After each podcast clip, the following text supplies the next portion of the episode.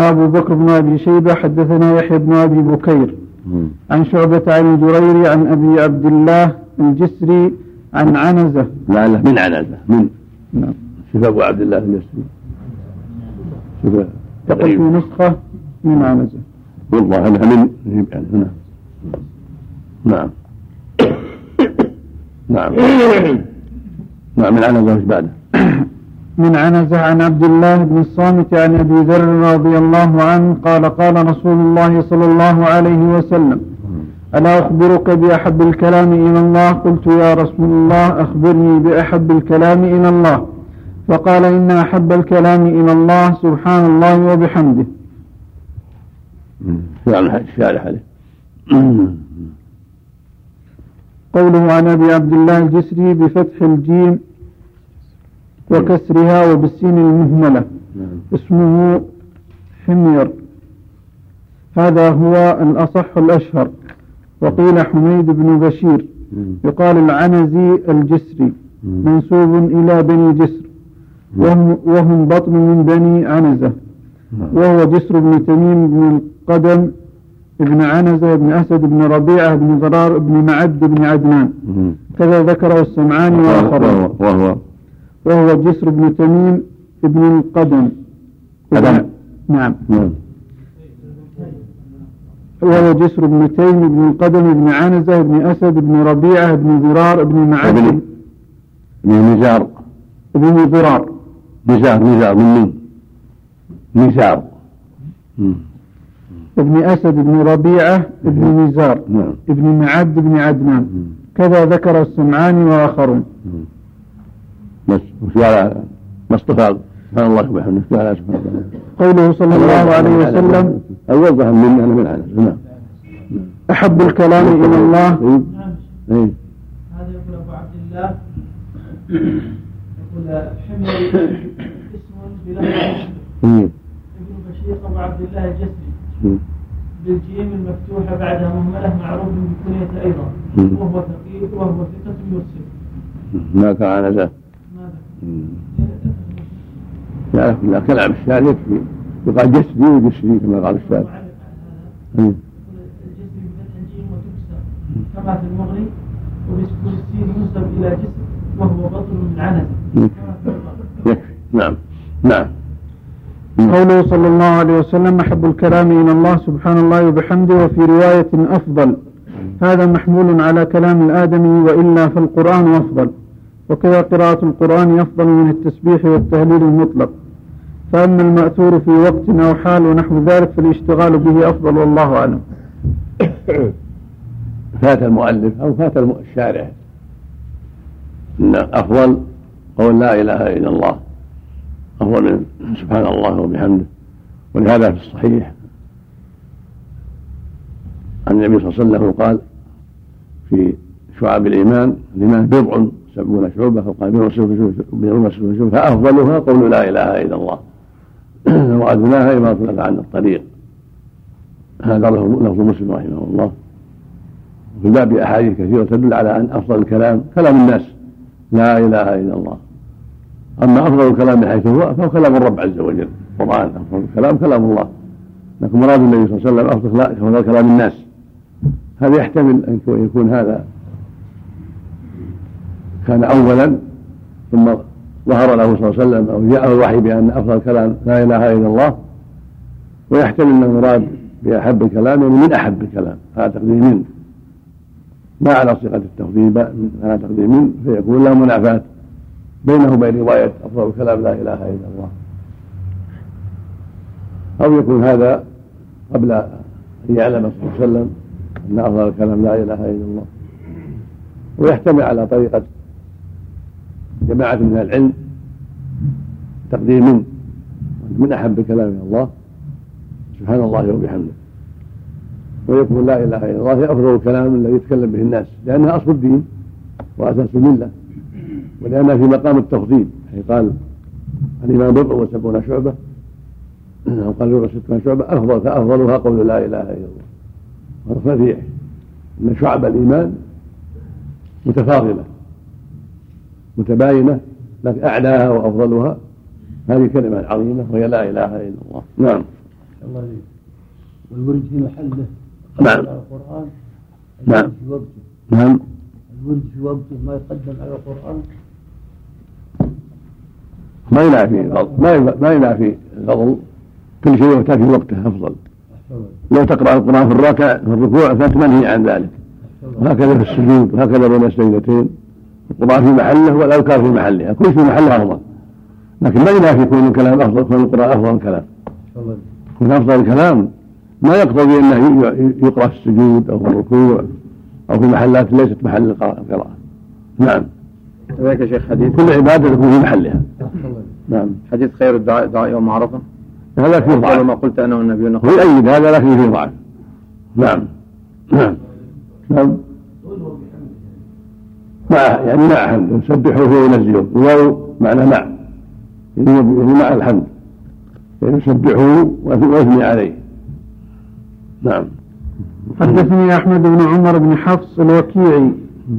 حدثنا محمد بن فضيل حدثنا أبي عن طلحة بن عبيد الله بن كريز عن أم الدرداء رضي الله عنها. حدث- حدثنا حدثني أحمد بن عمر بن حفص.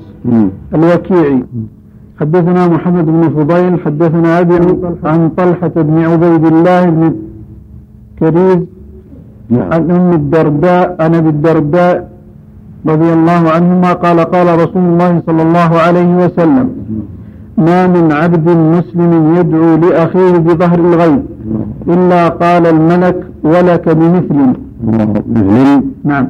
نعم نعم. نعم. نعم. رواية الأخرى بمثله. نعم. من عندهم نعم. نعم.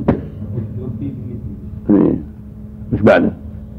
حدثنا إسحاق بن إبراهيم أخبرنا النضر بن شميل حدثنا موسى بن سروان المعلم حدثني طلحة بن عبيد الله بن كريز قال حدثني قال حدثتني أم الدرداء قالت حدثني سيدي أنه سمع رسول الله صلى الله عليه وسلم يقول من دعا لأخيه بظهر الغيب قال الملك الموكل به آمين ولك بمثل. كذلك. نعم. دونها نعم. قال الشعر قوله صلى الله عليه وسلم. نعم نحفظ من الرواية ولك مثله بلها كما عند الأب نعم. نعم. إن شاء الله. آه، قوله بمثل هو بكسر الميم وإسكان الثاء. هذه الرواية المشهورة. قال القاضي ورويناه بفتحها أيضا. يقال هو مثله ومثيله بزيادة الياء أي عديله سواء. وفي هذا فضل آه، تكلم عنه مع الناس بس وقبل آه، ذكر كل الروايات كلها بمثل في الشرح. زين. نعم. كمل. نعم. والأب وش قال؟ الأم. ماذا قال؟ ما تكلم؟ هذا الرواية؟ نعم. نعم. حدثنا إسحاق بن إبراهيم أخبرنا عيسى بن يونس حدثنا عبد الملك بن أبي سليمان عن أبي الزبير عن صفوان وهو ابن عبد الله بن صفوان وكانت تحته الدرداء. قال قدمت الشام فقدمت الشام فأتيت أبا الدرداء رضي الله عنه في منزله فلم أجده وجدت أم الدرداء رضي الله عنها. فقالت أتريد الحج العام؟ فقلت نعم. قالت فادعوا الله لنا بخير. فإن النبي صلى الله عليه وسلم كان يقول دعوة المرء المسلم لأخيه بظهر الغيب مستجابة. عند رأسه ملك موكل كلما دعا لأخيه بخير قال الملك الموكل به آمين ولك بمثل. قال فخرجت إلى السوق فلقيت أبا الدرداء فقال لي مثل ذلك يرويه عن النبي صلى الله عليه وسلم. هذا فيه الحث والتحريض على دعاء المؤمن لأخيه وأنه على خير عظيم. إذا دعا لأخيه حصل الأمران. الإحسان إلى أخيه والملك الموكل يدعو له ولك, بمثل هذا خير عظيم وفضل كبير. فلا ينبغي للمؤمن أن يبخل بدعوة صالحة على أخيه ولا سيما إذا كان مبتلى بمعصية أو أمر يكرهه له. فيدعو له أن الله يوفقه وأن الله يمن عليه بالتوبة. وأن الله يزيده خيرا وعلما وتوفيقا ونحو ذلك مما يرضاه لأخيه. ثم هو في هذا قد أحسن إلى نفسه. لأنه إذا دعا بهذا الخير قال ملك مكة آمين ولك مثل الله أكبر. نعم. وحدثناه أبو بكر بن أبي شيبة. كذلك هذا في يدل على المعنى. من مقعة من درداء وأصح وأصرح منه حديث ويس القرني القرآن كما تقدم. لقيه منكم فليتوب من الاستغفار. نعم. وهذا خبر عمر في قصة عمرته. لما قال له صلى الله عليه وسلم لا تنسنا يا أخي من دعائك أو أشتم بدعائك وإن كان فيه مقال لأن في رواية عاصم بن عبيد الله لكن صححه جماعة عاصم فيه كلام. نعم. لكن له شواهد. يترقى بها إلى الحسن نعم. الله والشيخ الاسلام هذا ترك الاولى يطلب منه نعم والشيخ الاسلام وسيله ان هذا الاولى ترك ترك الطلب الاخير الدعاء اللي يظهر ان قول الشيخ الاسلام في هذا مرجوح والشيخ الاسلام في هذا مرجوح السنة مقدمه على عليه وعلى غيره نعم السنة صريحه في هذا فإن قوله إذا دعا لأخيه مثل مما يشعر بالرغبة في هذا الشيء ثم حديث ويس صريح وهو صحيح رواه مسلم الصحيح حديث عمر صريح وإن كان في مقال لكنه له شواهد في المعنى. ثم هو إحسان لأخيه لكن بعض الناس قد يكثر من هذا. بعض الناس ينبغي لا يكثر. بعض الناس كل ما لقيك كل ما شاء قال لا تنساني من دعاء. كل ساعة كل ساعة. ترك هذا أو لا. يعني بعض الأوقات يعني في أوقات غير يعني متكرر في بين وقت وآخر. هم دائما يلح في ذلك لأن هذا قد يثقل على النفوس. لكن إذا كان فعله بعض الأحيان أو في عند طول الغربة أو طول الغيبة أو نحو هذا كان يكون, يكون لعل هذا يكون أولى من الإكثار. المهم من عدم الإكثار. لأن الإكثار قد يؤذي قد يشغل يشق على الناس. نعم. قل يا شيخ حفظك الله. ثم سلوا لي الوسيلة والفضيلة. ما هو هذا طلب الدعاء من الأدنى؟ نعم. ما هو في جواز طلب الدعاء من الأدنى؟ ثم سلوا لي الوسيلة والفضيلة. كذلك. ما هو باب عظيم في هذا؟ هذا شاهد المقال أو شاهد المقال. نعم. أحسنت. نعم هذا شاهد المقال. نعم. وهو أفضل الخلق. نعم. نعم. نعم. زوج سيدها فهي سيدها هذا الباب. زوج الزوج يقال السيد. نعم. أم الدرداء تقول سيد سيد يعني أبو الدرداء. زوجها نعم.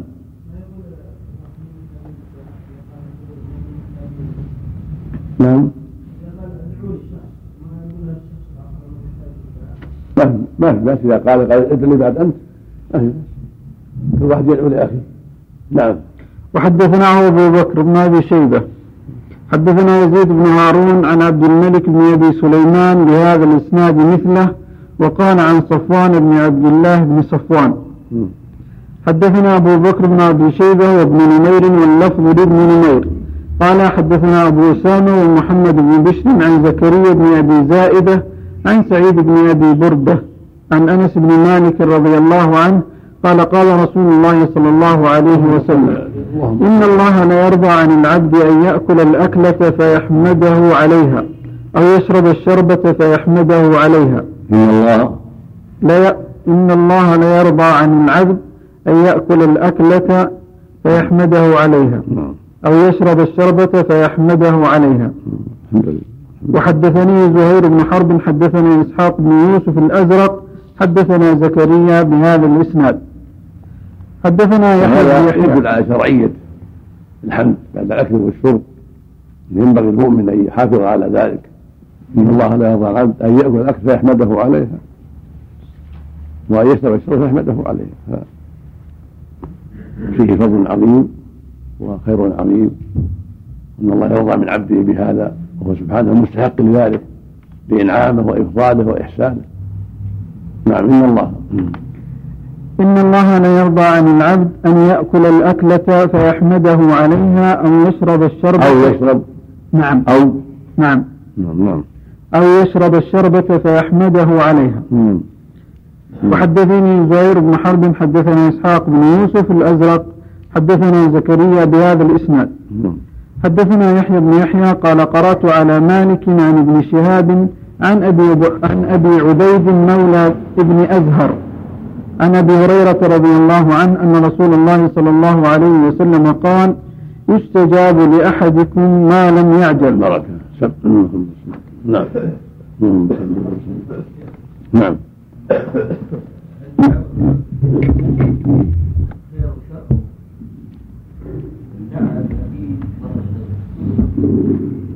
إذا دعا إذا دعا لأخيه بالشر استدعى إلى أخيه أو داع على أخيه.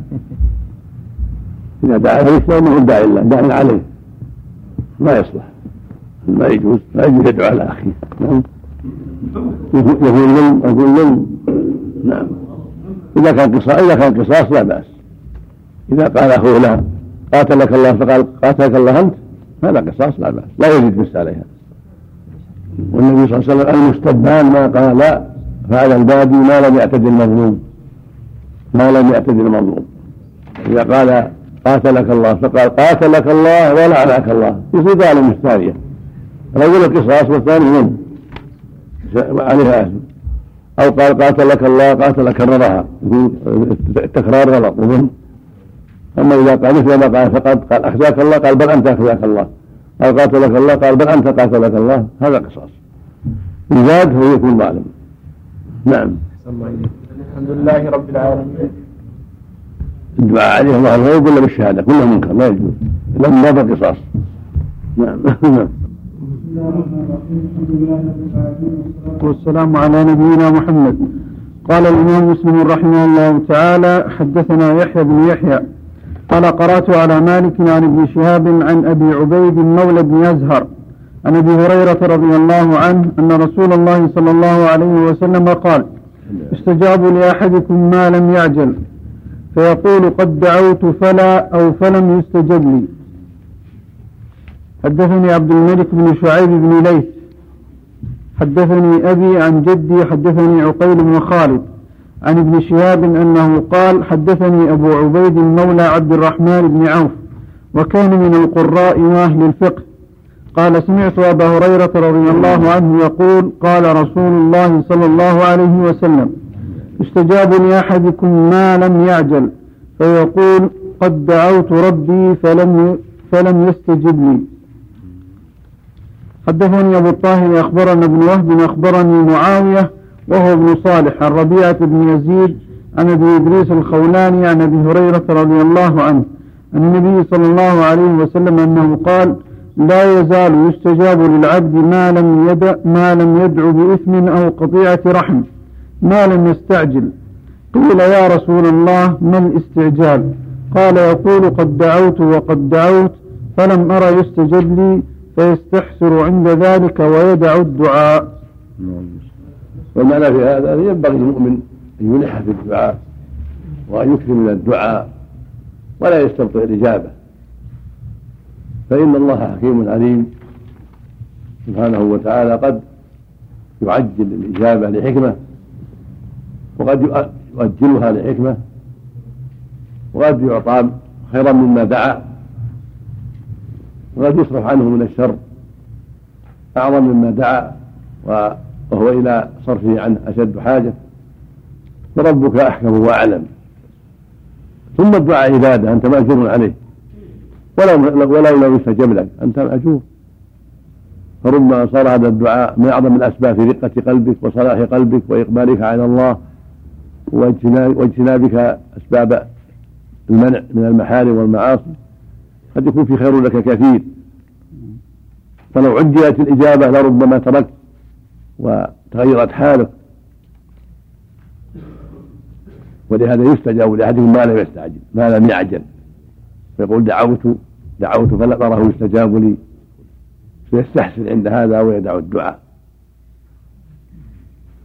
والله يقول ادعوني أستجب لكم. وفي الحديث الصحيح ما من عبد يدعو الله بدعوة ليس فيها إثم ولا قطيعة رحم إلا أعطاه الله بها. إلى ثلاث إما أن تعجل له دعوته في الدنيا وإما أن تدخلن في الآخرة وإما يصلح ان يشتري مثل ذلك. قالوا يا رسول الله إذا نكثر قال الله أكثر المؤمن يكثر من الدعاء والإجابة إلى الله. يسأل ربه يستغيث به يرضى اليه يبتعد عن أسباب الشر. فالمعاصي وأكل الربا وأكل الحرام من أسباب عدم الإجابة ورفع عن الله وعدم الإقبال عليه عند الدعاء وعدم العناية. بالذل والخضوع والاستكانة والانكسار من أسباب عدم الإجابة. كون الدعاء في إثم أو قطيعة رحم من أسباب عدم الإجابة فلا بد أن ينظر في أسباب التي قد قد تكون منعت الإجابة فيتخلى منها ويحذرها. ثم يحسن ظنه بربه. فقد يكون في علم الله أنه لو أجيب لكان في ذلك شر عليه. فتأخير الإجابة قد يكون في خير له ومصلحة له. وقد يعطى الله خير مما طلب. قد يدعو بزوجة يطلب الزواج منها أو مال فيعطى خيرا من ذلك. يعطى زوجة غيرها يسهل الله له غيرها أحسن منها. قد يطلب مالا فيعطى له خير من ذلك المال. قد يطلب الشفاء من مرض فيؤجل دعاءه ولا يعجل له الإجابة بما في ذلك من الخير له وأن هذا المرض يكون كفارة لذنوبه ويكون سببا لصلاح قلبه واستقامة حاله مع ربه وتركه الذنوب الماضية والتوبة إلى الله. فلو عجلت له الإجابة لربما بقي على حاله وغفلته وقسوة قلبه إلى غير ذلك من الأسباب. إن ربك حكيم عليم سبحانه وتعالى. نعم. كتاب الرقاق. نعم. حدثنا هداب بن خالد حدثنا حماد بن سلمة حاء وحدثني زهير بن حرب حدثنا معاذ ابن معاذ العنبري حاء وحدثني محمد بن عبد الأعلى حدثني المعتمر حاء وحدثنا إسحاق بن إبراهيم. أخبرنا جرير كلهم عن سليمان التيمي حاء وحدثنا أبو كامل فضيل بن حسين اللفظ له حدثنا يزيد بن زريع. حدثنا التيمي عن أبي عثمان عن أسامة بن زيد رضي الله عنه. قال قال رسول الله صلى الله عليه وسلم قمت على باب الجنة فإذا عامة من دخلها المساكين وإذا أصحاب الجد محبوسون إلا أصحاب النار فقد أمر بهم إلى النار وكنت على باب النار فإذا عامة من دخلها النساء. الله أكبر لا لا الجد يعني الغنى والسعة. محبوسون قد يكونوا أفضل من الفقراء لكن لهم تبعات وعليهم حساب ولهم شؤون فلهذا حبسوا فيعجلوا إلى الجنة حتى يقضى ما لهم وما عليهم. والفقراء دخلوا قبل ذلك لقلة الحساب قلة المسؤولية. نعم. حدثنا زهير بن حرب حدثنا إسماعيل بن إبراهيم عن أيوب عن أبي رجاء العطاردي قال سمعت ابن عباس رضي الله عنهما يقول قال محمد صلى الله عليه وسلم اطلعت في الجنة فرأيت أكثر أهلها الفقراء واطلعت في النار فرأيت أكثر أهلها النساء. وحدثنا إسحاق بن إبراهيم أخبرنا الثقفي أخبرنا أيوب بهذا الإسناد. وحدثنا شيبان بن فروخ حدثنا أبو الأشهب حدثنا أبو رجاء عن ابن عباس رضي الله عنهما. أن النبي صلى الله عليه وسلم اطلع في النار فذكر بمثل حديث أيوب. حدثنا أبو كريب حدثنا أبو أسامة عن سعيد بن أبي عروبة سمع أبا رجاء عن ابن عباس رضي الله عنهما قال قال رسول الله صلى الله عليه وسلم فذكر مثله. حدثنا عبيد الله بن معاذ حدثنا أبي حدثنا شعبة عن أبي التياح قال كان للمطرف بن عبد الله امرأتان فجاء من عند إحداهما فقالت الأخرى جئت من عند فلانة؟ فقال جئت من عند عمران بن حصين. فحدثنا أن رسول الله صلى الله عليه وسلم قال إن أقل ساكن الجنة النساء غضبان عليها غضبان عليها. فلهذا حدثها بهذا الحديث. مشاكل النساء كثيرة. ولهذا كن أكثر أهل النار لكثرة شرهن. حديث حديث ابن عباس لما خطبهن صلى الله عليه وسلم يوم العيد قال يا معشر النساء صدقنا وأكثرنا الاستغفار. فإني رايتكن أكثر أهل النار. فقالت امرأة ولم يا رسول الله؟ قال لأنكن تكثرن اللعنه تكثرن اللعنه وتكفرن العشير. اللعن السب يعني الكلام السيء. وتكفرن العشير يعني الزوج. لو أحسن لو أحسن إلى إحداكن الدهر. يعني جميع الزمان. ثم رأت شيئا. يعني شيئا ما يناسبها. قالت ما رأيت من خيرا قط. هي نسيت كل ما مضى من الإحسان اللي في عشرات السنين. المقصود أن لهن مشاكل وسيئات كثيرة في قلة صبرهن وكثرة إقدامهن على ما لا ينبغي فلهذا جرى ما جرى دخول النار وأن أكثر النساء. ومع ذلك هم أكثر أهل الجنة أيضا. لأن معهن الحور العين. وكل واحد من المسلمين من أهل الجنة له زوجتان. من الحور العين غير زوجاته من الدنيا. في ضمهن إلى الحور العين هم أكثر أهل النار وهم أكثر أهل الجنة. أكثر أهل النار بالمعاصي التي يقدمن عليها وكثرة شرهن إلا من هداه الله. والجنة لأن كل واحد له زوجات من الحور العين زوجتان. أقل واحد له زوجتان. غير ما يحصل له من نساء الدنيا. فصاروا صرن أكثر أهل الجنة أيضا بضم النساء من الحور العين إليهن. نعم. كما قال أبو هريرة رضي الله عنه. هن أكثر أهل الجنة وهن أكثر أهل النار. نعم. نعم. وحدثنا محمد بن الوليد بن عبد الحميد حدثنا محمد بن جعفر حدثنا شعبة عن ابي التياح قال سمعت مطرفا يحدث أنه كانت له امرأتان بمعنى حديث معاذ. حدثنا عبيد الله بن عبد الكريم أبو زرعة حدثنا ابن بكير حدثني يعقوب بن عبد الرحمن عن موسى بن عقبة عن عبد الله بن دينار عن عبد الله بن عمر رضي الله عنهما قال كان من دعاء رسول الله صلى الله عليه وسلم اللهم إني أعوذ بك من زوال نعمتك وتحول عافيتك وفجاءة نقمتك وجميع سخطك جميعي. الله أكبر الله أكبر نعم. كان من دعاء النبي اللهم صل عليه وسلم نعم. اللهم إني أعوذ بك من زوال نعمتك وتحول عافيتك وفجاءة نقمتك وجميع سخطك. وهذا من جوامع الكريم من الدعوات العظيمة الجامعة التي يدعو بها عليه الصلاة والسلام. اللهم إني أعوذ بك من زوال نعمتك من تحول عافيتك ومن فجاءة ويقال فجاءة ويقال فجأة ومن جميع سخطك. هذا عام. دعاء عظيم.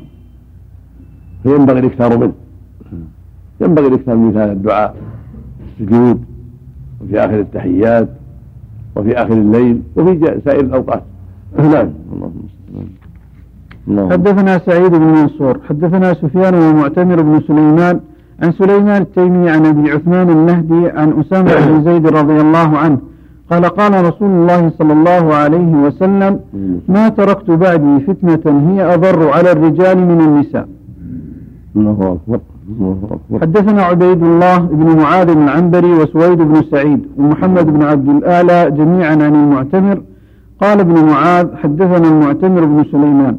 قال قال أبي حدثنا أبو عثمان عن أسامة بن زيد بن حارثة وسعيد بن زيد بن عمرو بن نفيل رضي الله عنهما أنهما حدثا عن رسول الله صلى الله عليه وسلم أنه قال ما تركت بعدي في الناس فتنة أضر على الرجال من النساء.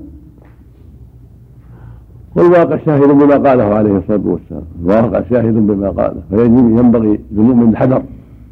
حذر أولا من جهة ما حرم الله من الفاحشة ثانيا من جهة ما قد يقع بينه وبين أهله. ينبغي له الحذر سواء كان في بيته وأهله أو في غير ذلك. فالخطر عظيم. وليس هناك فتنة أشد على الرجال من النساء. نعم. نسأل الله السلامة. نعم. وحدثنا أبو بكر بن أبي شيبة وابن نمير قال حدثنا أبو خالد الاحمر حاول حدثنا يحيى بن يحيى أخبرنا هشيم حاول حدثنا إسحاق بن إبراهيم أخبرني جرير كلهم عن سليمان التيمي بهذا الإسناد مثله. حدثنا محمد بن المثنى ومحمد بن بشار قال حدثنا محمد بن جعفر. حدثنا شعبة عن أبي مسلمة. قال سمعت أبا نظرة يحدث عن أبي سعيد الخدري رضي الله عنه. عن النبي صلى الله عليه وسلم قال إن الدنيا حلوة خضرة وإن الله مستخلفكم فيها. وإن الله مستخلفكم فيها. فينظر فينظر كيف تعملون. فاتقوا الدنيا واتقوا النساء. فإن أول فتنة بني إسرائيل كانت في النساء. وفي حديث ابن بشار لينظر كيف تعملون. الله أكبر. الله أكبر. لا حول ولا قوة إلا بالله. نعم. حدثني محمد بن إسحاق المسيبي حدثني أنس. فاتقوا الدنيا واتقوا النساء. اتقوا الدنيا وفتنتها ما يتعلق بأكل الحرام وطلب الحرام. والاشتغال بها عن الآخرة وغير ذلك ما يكون في الدنيا. والنساء كذلك. اتقوا النساء لئلا يفتن الرجل بهن. نعم نعم. حدثني محمد بن إسحاق المسيبي حدثني أنس يعني بن عياض أبا ضمرة عن موسى بن عقبة النافع عن عبد الله بن عمر عن رسول الله صلى الله عليه وسلم أنه قال بينما ثلاثة نفر يتمشون أخذهم المطر. بعد حديث أهل الغار اللهم اغفر نعم لا حول ولا قوة إلا بالله. اللهم سلم سلم. لا حول ولا قوة إلا بالله. الحمد لله رب العالمين والصلاة والسلام على نبينا محمد. قال الإمام مسلم رحمه الله تعالى حدثني محمد بن إسحاق المسيبي حدثني أنس يعني بن عياض أبا ضمرة. عن موسى بن عقبة عن نافع عن عبد الله بن عمر رضي الله عنهما عن رسول الله صلى الله عليه وسلم أنه قال بينما ثلاثة نفر يتمشون أخذهم المطر فآووا إلى غار في جبل فانحطت على فم غارهم صخرة فانحطت على فم غارهم صخرة من الجبل فانطبقت عليهم فقال بعضهم لبعض انظروا أعمالا عملتموها صالحة لله فادعوا الله تعالى بها لعل الله يفرجها عنكم.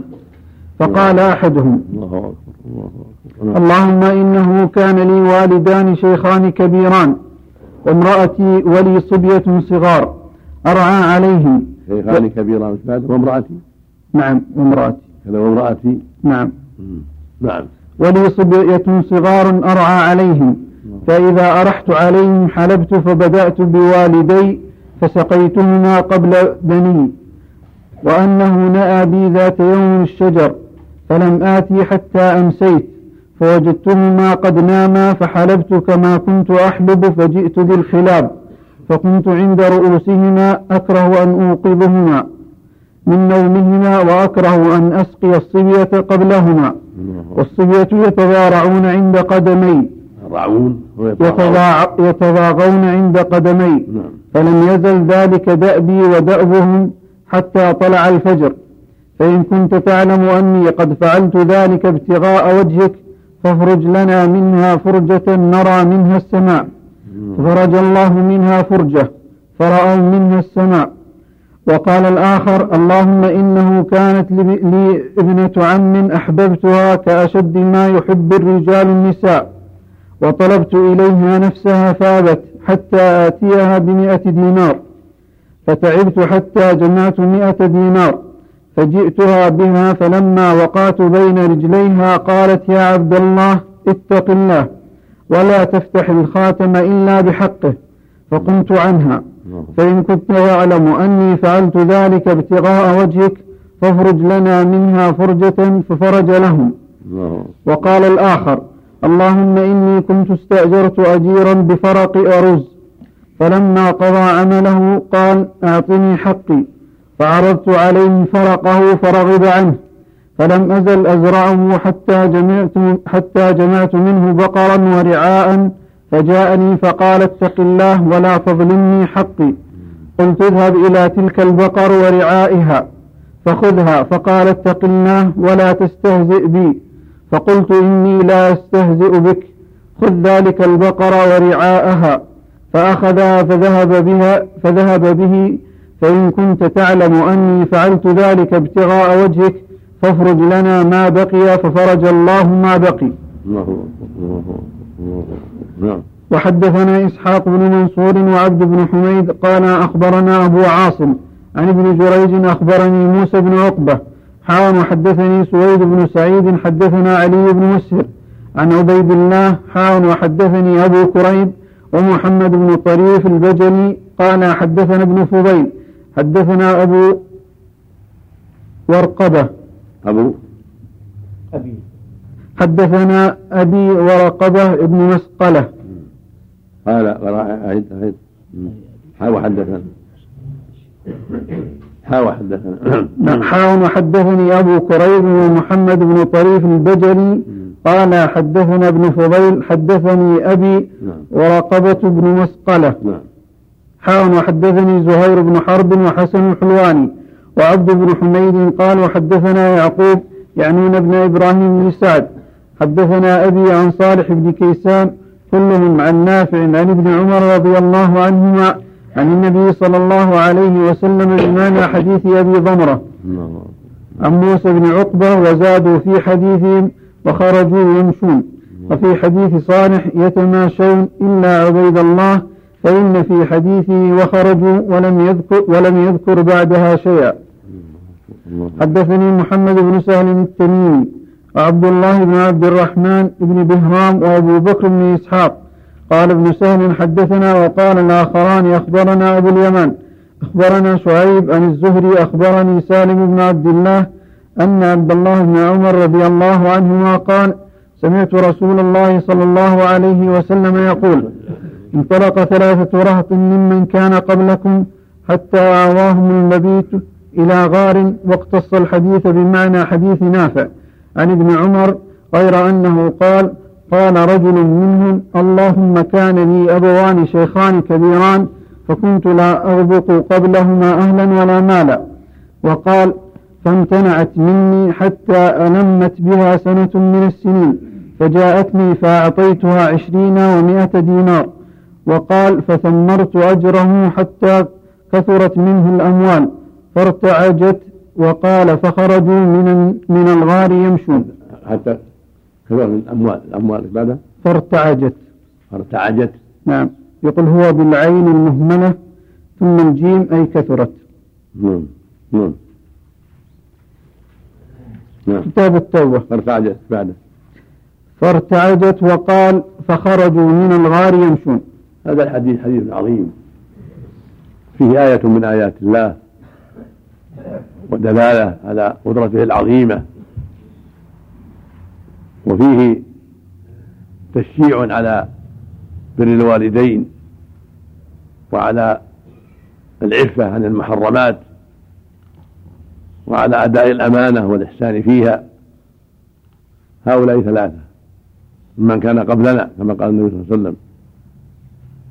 نزلت بهم مصيبة كارثة عظيمة. جعلها الله عبرة للناس ليعلموا أن ربهم بالمرصاد وأنه على كل شيء قدير وأنه قادر على كل شيء وأنه الخلاق العليم وأنه سبحانه يثيب المطيعين ويجازيهم ولا سيما عند الشدائد لا تثاب تلك الأعمال. يجزون عليها في الدنيا مع جزائهم في الآخرة. رحمك الله. هؤلاء ثلاثة آواه المطر في الرواية الثانية المبيت. ولا مانع منهما. قد يكون اجتمع لهما هذا وهذا المطر والليل. فجاء الليل والمطر فاضطروا إلى غار فدخلوا فيه. فانحدر الصخرة من فوق وسدت عليهم الغار. وهي عظيمة لا يستطيعون دفعها. فعظم عليهم الأمر وشد بهم الكرب. حتى اجتمع رأيهم أن يفزعوا إلى الله. وأن يسألوه سبحانه أن يخلصهم من هذه المصيبة وهذه الكارثة. وأن يتوسلوا إليه بصالح أعمالهم. ففي هذا حث على اللجأ إلى الله والبدار بدعائه والضراعة إليه عند الشدائد والكروب. هو القائل سبحانه أما يجد المضطر إذا دعاه ويكشف السوء. وقال ادعوني أستجب لكم. هذه ضرورة عظيمة. فلهذا ضرعوا إليه ودعوه. واستغاثوا به وبينوا بعض الأعمال التي عملوها لوجهه الكريم وتوسلوا بها إليه. ليخلصهم من هذا الكرب العظيم. فأحدهم توسل إليه ببره لوالديه. وأنه كان لا يغبق يغبق قبل والديه أهلا ومالا والغبوق اللبن يشربونه في أول الليل بعد العشاء والصبوح ما يشرب في أول النهار. فدعا به طلب الرعي ذات ليلة فلم يرح إلا وقد نام.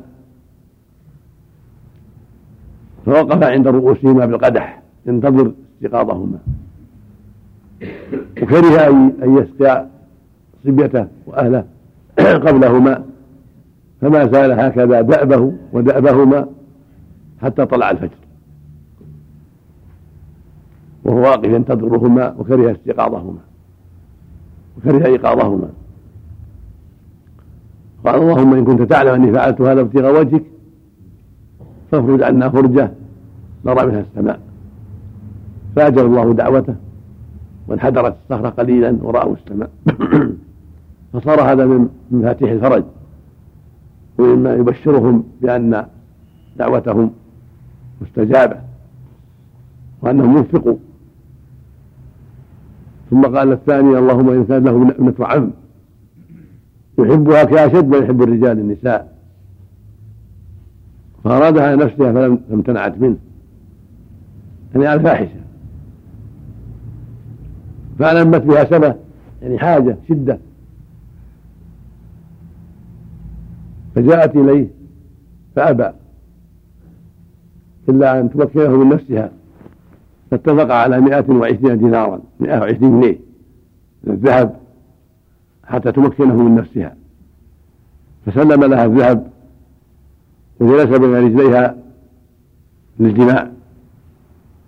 فقالت له يا عبد الله اتق الله ولا تفتح الخاتم إلا بحقه واللفظ الآخر ولا تفض الخاتم إلا بحقه. فإن هذا خاف من الله وقال. ولم ولم يجامعها مع كونه يحبها كثيرا ومع كونها سلمت له نفسها وأعطاها المال لكن خوفة من الله فخاف. بعد قدرته. ففي هذا الحث على خوف الله ومراقبته. ولا سيما مع القدرة على المعصية. الواجب الحذر الخوف فإن الله قدر منه على ما فعل. فقام وترك العذاب. خوفا من الله عز وجل. وقال اللهم ان كنت تعلم أني فعلت هذا ابتغاء وجهك. يعني خوفا منك ورغبة فيما عندك. في العفة عما حرم الله. فافرج عنا. ما نحن فيه. فانفرجت. الصخرة بعض الشيء. ولكنهم لا يستطيعون الخروج. ثم دعا الثالث. فقد ذكر أنه استأجر أجراء. وأخذوا أجورهم. إلا شخصا واحدا لم يأخذ أجره. فنماه له. وعمل فيه. حتى صار منه إبل ورعاؤها. يعني رقيق. في الرواية الأخرى كان منه إبل وغنم وبقر ورقيق. فجاءه بعد دهر. وقال أعطني حقي. فقال كل ما ترى كل ما ترى من حقك. خذه فقال اتق الله ولا تستهزئ بي. قال إما أستهزئ خذه ومالك فاستاقه كله من البقر والغنم والإبل والرقيق. بدلا من آصع من ذرة أو أرز كانت له عنده. نماها وثمرها حتى صارت هذه الأموال الكثيرة. هذه ثمرة أداء الأمانة والحرص على أداء الأمانة والنصح. ثم سلم ذلك كله له. وسأل ربه اللهم كنت تعلم أني فعلت هذا ابتغاء وجهك فافرج عنا ما نحن فيه. فانفرجت الصخرة وخرجوا هذا فيه فوائد عظيمة وأن الإنسان قد يصاب ببعض النوازل والكروب والكوارث وأنه ينبغي له عند ذلك يضرع إلى الله ويلجأ إليه. ويسأله التفريج هو القريب المجيب سبحانه وتعالى. وفيه دلالة على ما قاله سبحانه إنما أمره إذا أراد شيئا يقول كن فيكون. كن فيكون. صخرة نزلت حالا ثم انفردت حالا. وفي فضل الدعاء والضراعة إلى الله والإخلاص له سبحانه وتعالى واللجأ إليه جل وعلا وأنه سبحانه مجيب الدعاء وأنه مجيب المضطر. وأن الأعمال الصالحة تشفع لأهلها وتنفعهم عند التوسل بها. وفيه الحرص على العفة عما حرم الله والحرص على بر الوالدين والحرص على أداء الأمانة. كل ذلك يستفاد من هذا الحديث العظيم. والله المستعان. نعم. كتاب التوبة. مم. حدثني سويد بن سعيد حدثنا حفص بن ميسرة حدثني زيد بن أسلم عن أبي صالح عن أبي هريرة رضي الله عنه عن رسول الله صلى الله عليه وسلم أنه قال قال الله عز وجل أنا عند ظن عبدي بي وأنا معه حيث يذكرني. والله لله أفرح